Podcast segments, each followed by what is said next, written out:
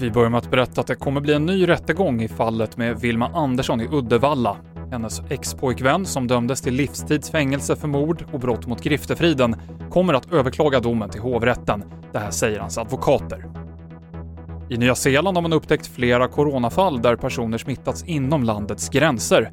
Under mer än 100 dagar så har man bara haft fall där personer smittats utomlands men isolerats vid hemkomsten. Nu uppmanas invånare i den största staden Auckland att hålla sig hemma och restauranger och butiker måste hålla stängt.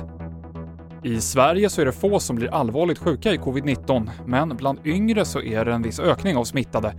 Och Anders Tegnell sa tidigare idag att det är risk för smittspridning när många återvänder från semester.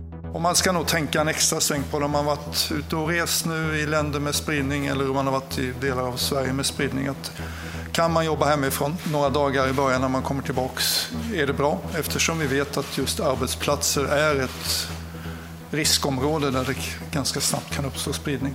Och det får avsluta TV4-nyheterna med Mikael Klintevall i studion.